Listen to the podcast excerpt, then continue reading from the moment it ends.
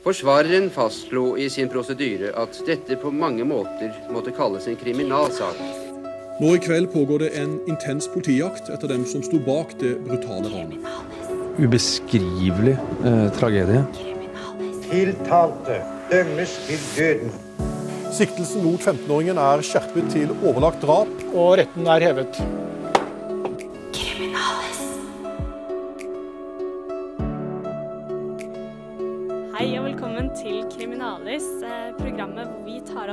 Kriminalsaker. Og vi, det er meg, Elinor, og Meg, Ayla. Ayla, hva har du lyst til å si om den saken vi skal snakke om i dag? Den saken i dag eh, Jeg ble helt rysta når jeg fant den. Fordi at det er så sykt at jeg ikke har hørt om den tidligere. Eh, jeg måtte fysisk måte leite etter den. Eh, Fysisk leite. fysisk leite. ja, men at jeg ikke har hørt noe prat om den eller sett eh, Jeg har hørt ingenting om den. Og så fant jeg den, og så ble jeg sånn eh, Har det her skjedd i Norge? Hva i alle dager? Ja, og jeg er fra, født og oppvokst i Oslo, så denne saken føltes fysisk nærme. Jeg tror kanskje at eh, dere lyttere også skal føle litt på den nå.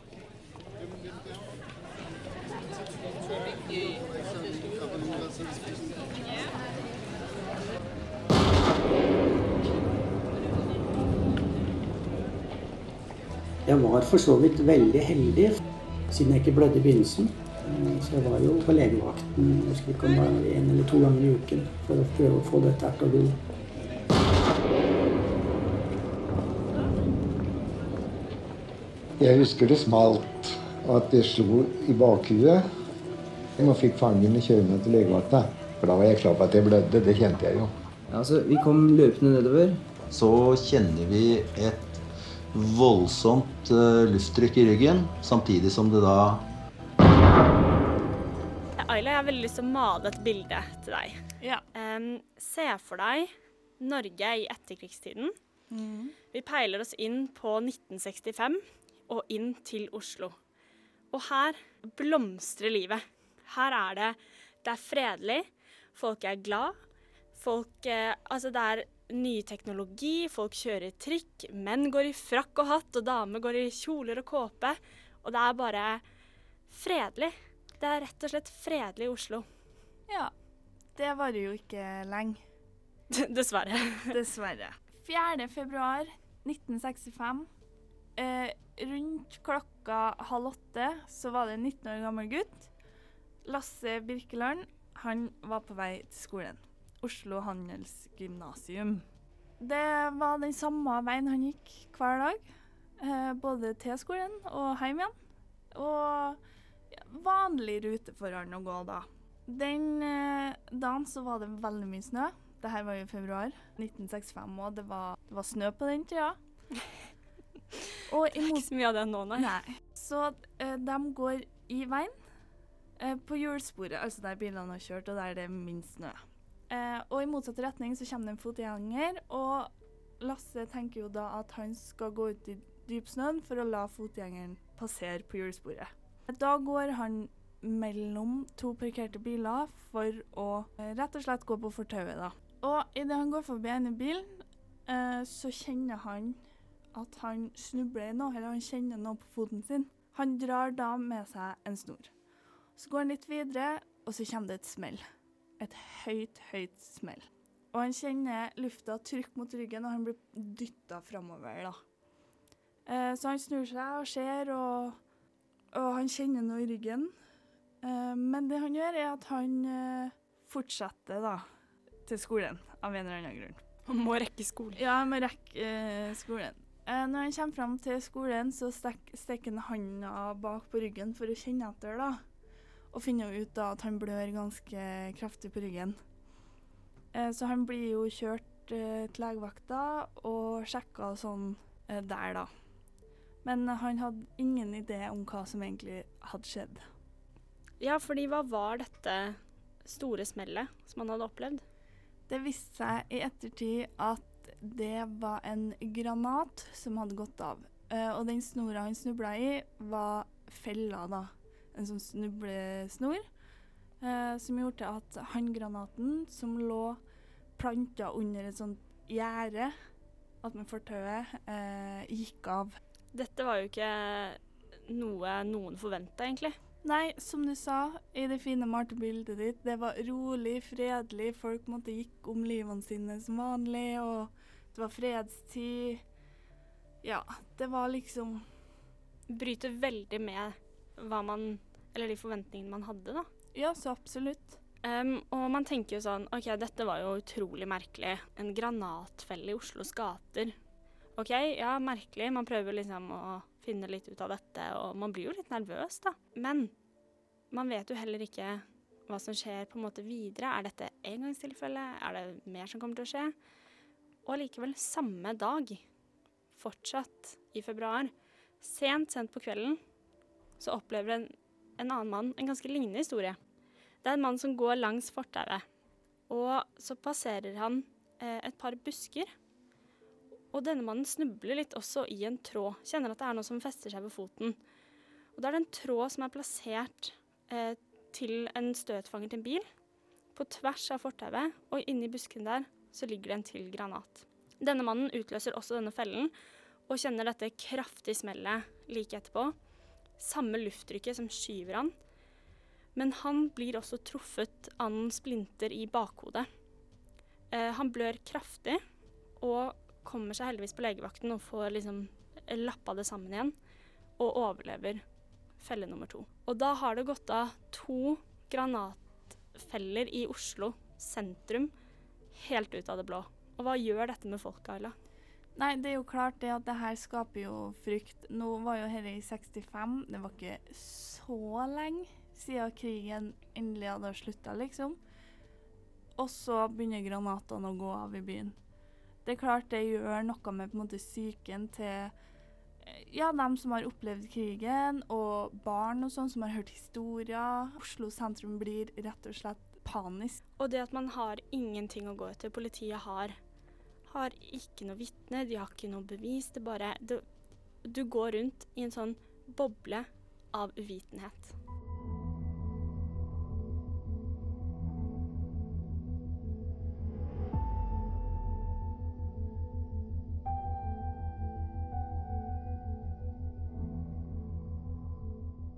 Etter denne dagen i februar med to smeller på samme dag, så stopper det opp. Politiet er jo da under den oppfatninga at det er noen unger eller noe som har kommet over noen granater og leika seg eller på en måte prøvd å være kul. Og de tror jo også da at uh, ungdommen har innsett hvor farlig det er å leke seg med håndgranater. Det er ganske farlig. Det skal jeg fortelle dere med en gang, at det tror jeg er veldig, veldig farlig og vondt, og kan fort gå galt. Det er jo ikke å legge skjul på det at Oslo by uh, og innbyggere er ennå i krisetilstand. Det er ikke artig å tenke på at uh, for en uke siden så var det to, sånn, to håndgranater som sprengte i gata vår, og det kunne ha vært en barnehage, det kunne ha vært Altså, man veit aldri, da. Så det er jo klart det at uh, mediene la jo heller ikke skjul på hva som hadde skjedd den dagen i februar. Sånn at det var jo fortsatt en panisk stemning. Det var anspent. Folk gikk og marsjerte til fordi de var en snor, og folk var på utkikk.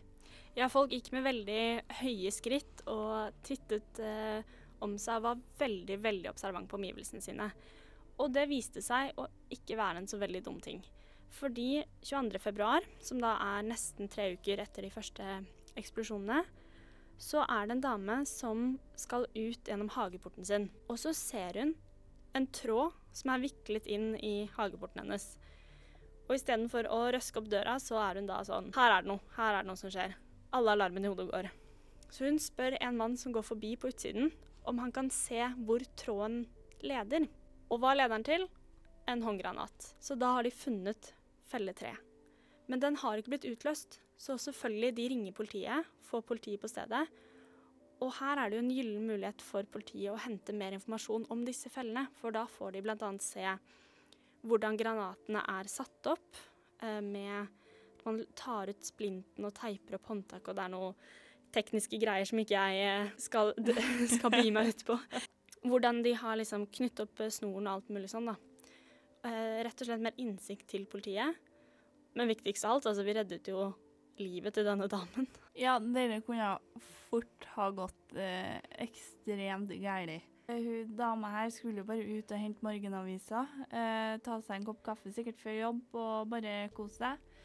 Og så ser hun den tråden her. Og jeg sitter og, og tenker litt sånn Hvilken tanke er det egentlig som går gjennom hodet ditt der og da? At du sånn At du veit at noe har skjedd tidligere. Tenker du begynner å gi seg, du har ikke hørt noe mer om det, og så går du ut av huset ditt, og så står du der, og så tenker du Nå skjer det med meg.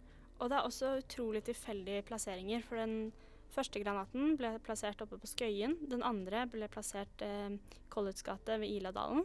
Og den her er oppe på Vinneren. Det er ikke noe sammenheng i plasseringen deres heller. Um, og hun damen, det var bare en tilfeldig hageport. Ja, den frykten, den biter jo enda sterkere nå, da. Ja, ja, som du sa, politiet får jo mye informasjon ut av å se hvordan en sånn felle er satt opp. Eh, det sier jo noe både på en måte med hva intensjonen med det var, og på en måte litt om den personen som hadde satt opp fella. 5. mars samme året, 1965, så skjer det igjen. Klokka sånn ish ti på halv ti på kvelden Ish ti på halv ti. Ish ti på halv ti. Så var to gutter på 15 år, Tore og Jan, ut og leita etter hunden sin. Fordi han hadde sprunget på tur.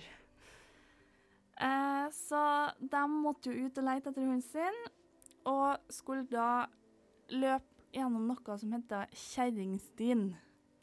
Det er en veldig smal sti som går ned en ganske bratt bakke på Grefsen.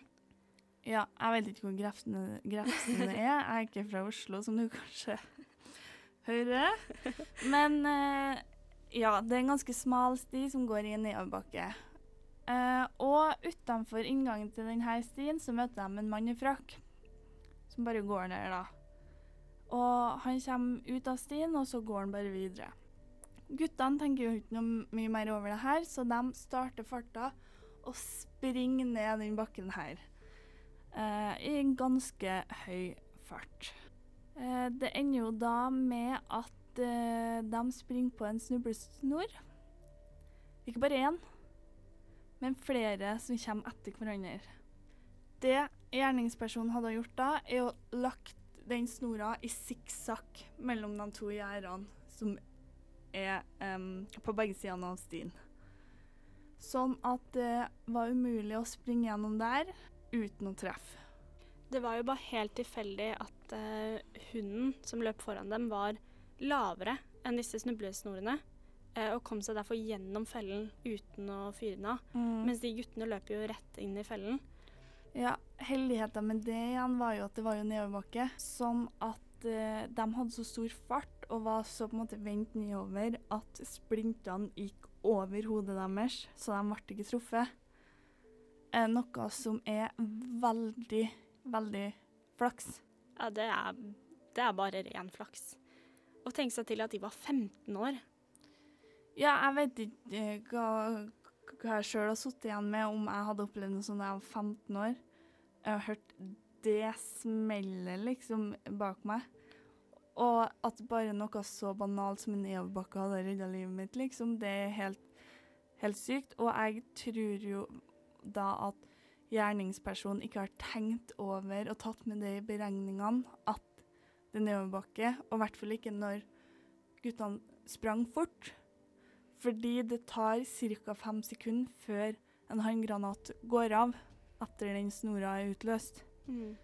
Eh, så de rekker jo da å komme seg et godt stykke ned i bakken. Det er jo også veldig tilfeldig at den hunden ikke utløser den, fordi hunden løper foran. Så hadde hunden utløst fellen før dem, så hadde de fått det her rett i ansiktet. Mm. Det hadde jo stått så nære som mulig. Um, ja, altså Det her endrer jo ikke den sinnsstemningen folk i Oslo har nå, da. Nå er det ikke bare en tråd her og der, men nå er det at du går etter barn også. Ja, nå er, det, nå er du ikke trygg noen sted. Det er i hagen din, det er på vei til skolen, det er når du er ute og går tur, det er når du er på vei hjem fra byen. Det er Du får på en måte den følelsen av at du aldri er trygg. Det er også på kinoen. Fordi 1. april så får de opp eh, femte hendelse i saken. Og da finner to eh, forbigående gatevandrere eh, De finner to granater utenfor Colosseum kino. Colosseum kino har på det tidspunktet en svær visning. Masse, masse folk som er inne og ser på kino. Og utenfor så ligger det to granater pakket inn i en avis. Den her ble heldigvis ikke utløst, de fant den. Det var heller ikke koblet opp noen snubletråder.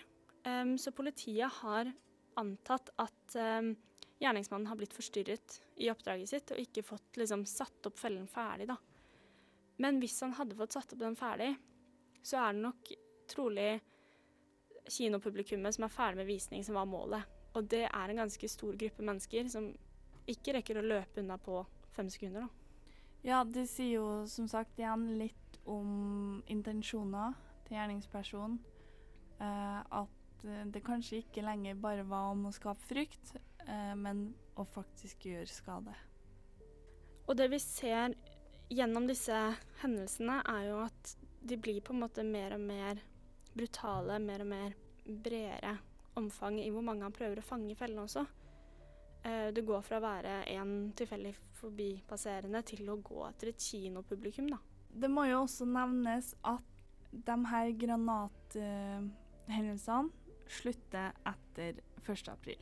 Høsten samme året, 1965, så blir det utløst et par dynamitteksplosjoner i Oslo man kan jo trygt si at Oslos befolkning hadde jo ikke helt kommet over det faktum at det var en gærning som gikk rundt med håndgranater.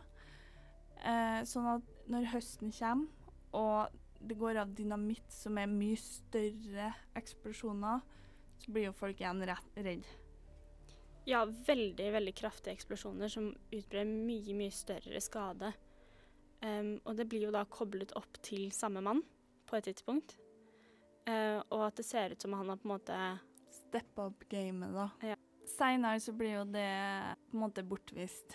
Uh, de gikk bort fra den teorien fordi det var så forskjellige metoder, og det var ikke noe på en måte direkte attentatforsøk. Det var ikke helt i samme stil, så det ble lagt bort til slutt.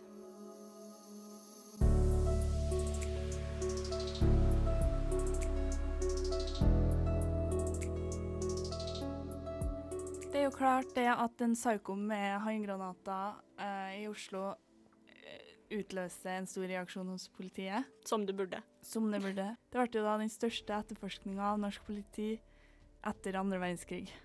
De hadde ikke opplevd det her tidligere. Etterforskninga gikk jo da ut på å finne den såkalte granatmannen, som avisene så fint hadde begynt å kalle den. Det er ganske deskriptivt, egentlig. Ja, det er jo På den tida da nå kanskje man hadde kalt den Granatpersonen. Kanskje det var en dame, hvem vet. Men eh, det var datidas granatmann. De hadde jo svært lite å gå etter. Um, de hadde et par avfyrte granatfeller. Um, muligens to vitner. Um, fordi disse guttene som løp ned stien, eh, hadde jo møtt på en litt eh, suspekt mann på veien. Ja, og de hadde jo ikke minst noen intakte granater eh, av folk var oppmerksomme om sine omstendigheter, og så snorene. Eh, med de håndgranatene som var intakt, så kan man jo finne serienummer og sjekke hvor de her eh, kommer fra. For det er jo ikke en normal dagligvare. Du kan ikke kjøpe det her på Rema 1000. Sånn at du, det skal ikke være så vanskelig da, å finne ut hvor man har fått tak i dette. Og da klarer de å koble dette opp til et ran på Trandum. Eh, Trandum er en tidligere militærleir som ligger litt nord for Gardermoen. Um, og der var det sommeren før alt dette skjedde, så var det da stjålet 25 eh, granater. Ja, så det er jo Det tok jo ikke lang tid før de kobla kobla på en måte håndgranater forsvant.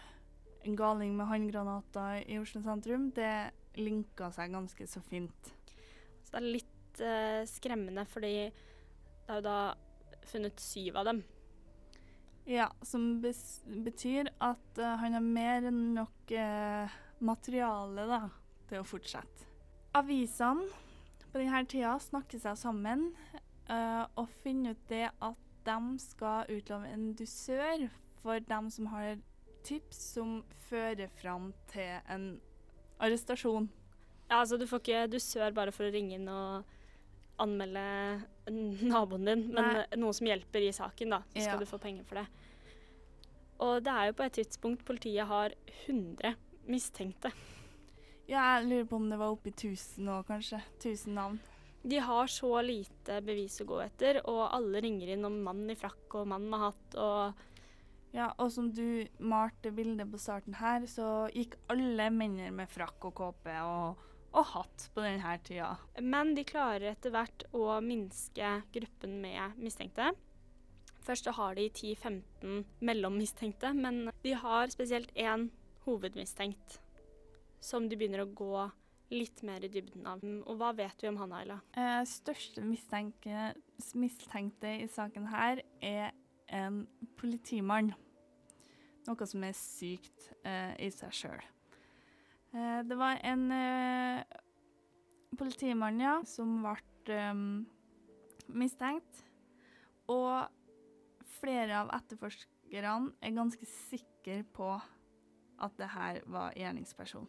Det er jo en mann som eh, gjennom de bevisene de har, vet at er ganske god med granater, da. Som vet hvordan man setter det opp i en felle. Jeg hadde ikke turt å prøve meg på noe sånt, fordi det skal ikke så mye kludring til før den går av. Dette er noen som har hatt opplæring i det her. Det er noen som vet hvordan man gjør det, og har den på en måte tekniske bakgrunnen. Ja, og denne politi politimannen var jo en tidligere Milorg-mann. Var med under krigen. Og sånn at han hadde jo de ferdighetene som trengtes da til å gjøre det her. Men hvorfor man gjør noe sånn, det er jo et kjempestort, vanskelig spørsmål. Fordi enkelte vil jo mene at det er um, at han er psykisk syk, og bare et eller annet i hodet har kortslutta, og han Ja, jeg vet ikke hva man tenker engang. Eh, det var også en teori oppe om at han skulle teste politiet, selv om han er en del av politiet. Ja, jeg tror det finnes på en måte bedre tester å på en måte kjøre kanskje da. Kanskje. Det kan jo være, altså det kan jo være at han hadde fått feil frokostblanding. Hvem veit egentlig hva som foregikk i hodet på denne gjerningspersonen? Denne politimannen ble jo da eh, veldig overvåka. De holdt eh, godt øye med han. Eh, og i 1966 eh, så tok han livet sitt. Det førte jo til at de ikke fikk eh, svar på enkelte sånne spørsmål. Um, det ble også skrevet i den avsluttende politirapporten om saken. Så ble ikke denne politimannen nevnt i det hele tatt. Og saken er fortsatt erklært som uoppklart. Det som er veldig rart, som jeg må bare legge til, er at det å faktisk ikke nevne det som en mulighet, at det kunne ha vært han en gang. Fordi etter han tok livet sitt, så ransaka politiet hjemmet eh, til politimannen. Og her ble det funnet både granater og sånne snor, snorlinjer, da. Så at det ikke ble nevnt engang i rapporten, eh, syns slår meg som litt merkelig. Ja, hele det at uh, hovedmistenkte er en person innad i politiet, er jo ikke helt beleilig for noen, egentlig. Nei, og det kan jo være flere grunner til at politiet var kanskje litt forsiktig.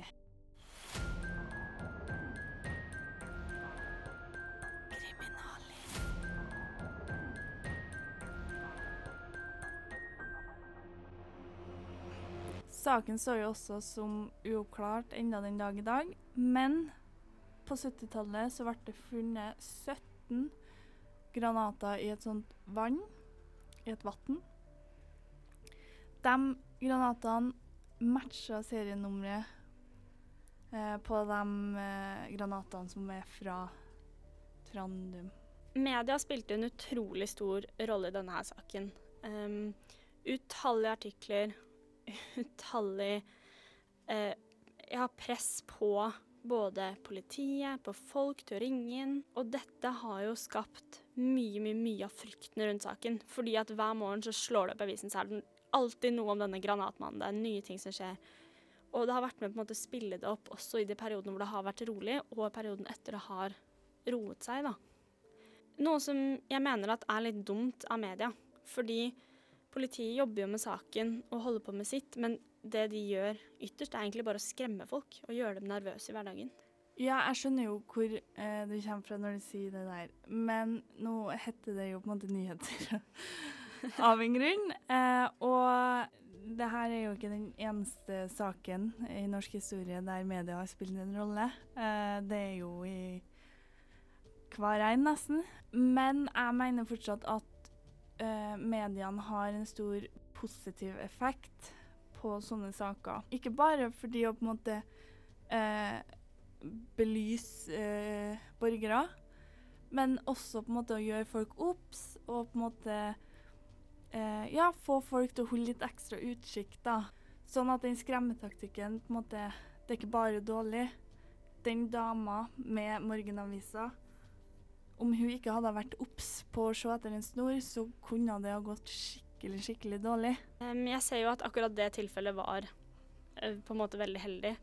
Men når media også går ut og på en måte er veldig pushy på uh, tips og vil at folk skal ringe inn, og gjerne ringe inn til politiet også, så på en måte overvelder det politiets arbeid veldig. De hadde jo på et punkt i saken 3000 tips, og det er jo klart at de ikke følger opp alle like nøye, for de enkelte er jo ikke gode nok tips, men de må jo følge opp en god del av dem, og det her tar jo mye tid eh, i forhold til måte hvor mye nytte det er. Det er jo ingen av de innringertipsene som egentlig har ledet til så mye hjelp i den saken. Den dusøren ble jo aldri utdelt til noen, for de har jo ikke tatt Nei, det, det er jo sant. De utlovde jo en eh, dusør på 10 000 kroner, som i dag er ish sånn 113 000 kroner. Det er mye penger. Ja, det Det får folk til å ringe. Jeg hadde ringt uh, og sikkert sagt at du, jeg syns jeg. Jeg føler det at den personen her Nei da. Naboen min. Ja. Men det er jo klart det at det er på en måte Det er ikke bare den rette fisken som biter på det agnet. Uh, men samtidig så eh, I andre saker, da kanskje ikke herren eh, akkurat herren, men i andre saker så har det jo hjelpa veldig med tips fra offentligheten. Eh, folk, eh, politiet samarbeider ofte med mediene for å spørre om hjelp, sånn at at Altså Ja, det tar mye tid og sånn, men samtidig så sto politiet i saken her bom fast. De kom seg ikke noen plass, så det var på en måte sånn siste sjanse da, til å finne noe som helst. Men jeg tror også det er et problem, fordi at når politiet sto bom fast, så fortsatte Altså selv om politiet sto bom fast og ingenting skjedde, for det var jo noen perioder hvor det var veldig rolig mellom disse attentatene, så pusher media, for de skal jo ha Folk skal kjøpe avisen, de skal ha inn de inntektene. Og da pusher de ut artikler som er litt utvanna, mye spekulasjon.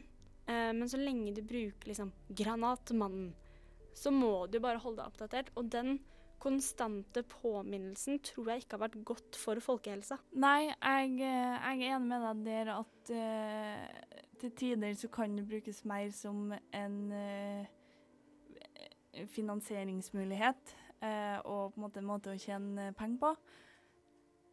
Men samtidig så på en måte var det jo Man, bør, altså man burde jo være litt redd for å gå i gatene på det her tidspunktet. Ikke panisk, ikke, eh, ikke fullstendig eh, skada psykisk. Men det er jo ikke å stikke under en stolen at det var jo farlig.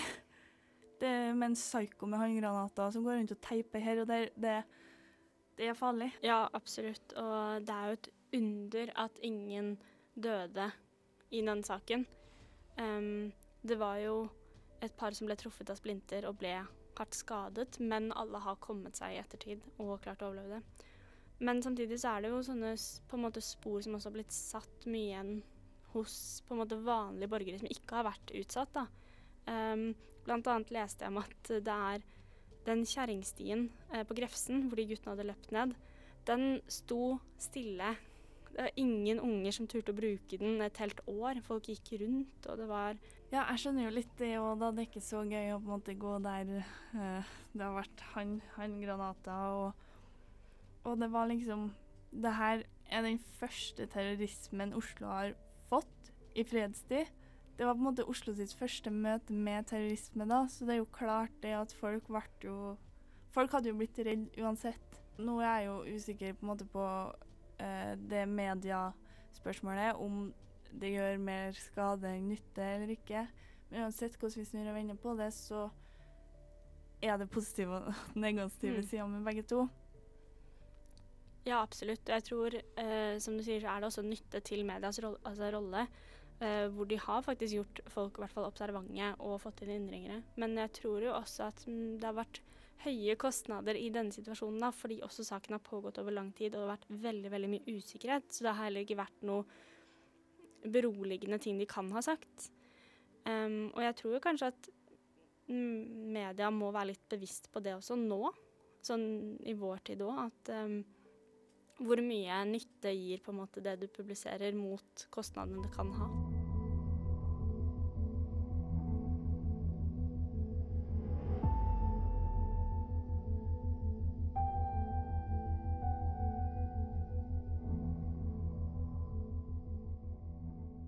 Har vi kommet ved veis ende i denne episoden her. Eh, og jeg skjønner jo at folk blir litt sånn Hæ? Hvem er gjerningspersonen eh, i denne saken her? Hvem er psykoen med the bombs? Og man veit rett og slett ikke. Nei, vi lurer på akkurat det ja, samme. vi er supernysgjerrige, vi òg. Og den begynner jo å bli ekstremt gammel, denne saken her. Og det plager meg at uh, vi kanskje aldri får vite hvem The Psycho with the Bombs eh, er. Ja, og jeg skulle gjerne stilt et par spørsmål om eh, hensikter, intensjon og, og hvorvidt det var meningen å skade noen, siden alle kom seg relativt uskadd fra det. Ja, og ikke minst å dra inn den kalde krigen og spion og Men jeg tror vi nesten må bare på en måte tenke oss egentlig hvorfor og hva og hvordan sjøl. Og hvis du vil ha litt mer kjøtt på beina, så har NRK laget en veldig god dokumentar eh, om denne saken, eh, som varer litt lenger enn vår episode. eh, den heter vel 'Granatmannen'. Så den heter Granatmannen, og jeg anbefaler den sterkt. Jeg syns den er eh, dritbra, rett og slett. Både historiemessig og hvordan den er oppbygd, og klippene de har med. Den, den er good. Det er bra. Den kan du kose deg med i kveld. Så absolutt. Men det var oss eh, i dag, og hvis du vil få litt mer innblikk eh, gjennom uka, så kan du alltid følge oss på Instagram. Og der heter vi hva?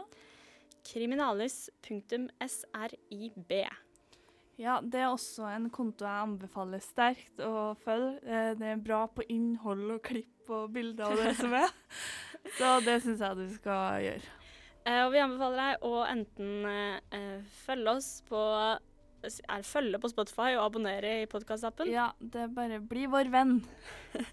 Og så kommer det en ny eh, kriminalsak om en uke. Og in the meantime Stay out of crime. Don't do crime. Den satt ikke like godt i dag, du. Men eh, poenget står. Eh, du kan være på den riktige siden av loven, så kan du få høre om de andre neste uke.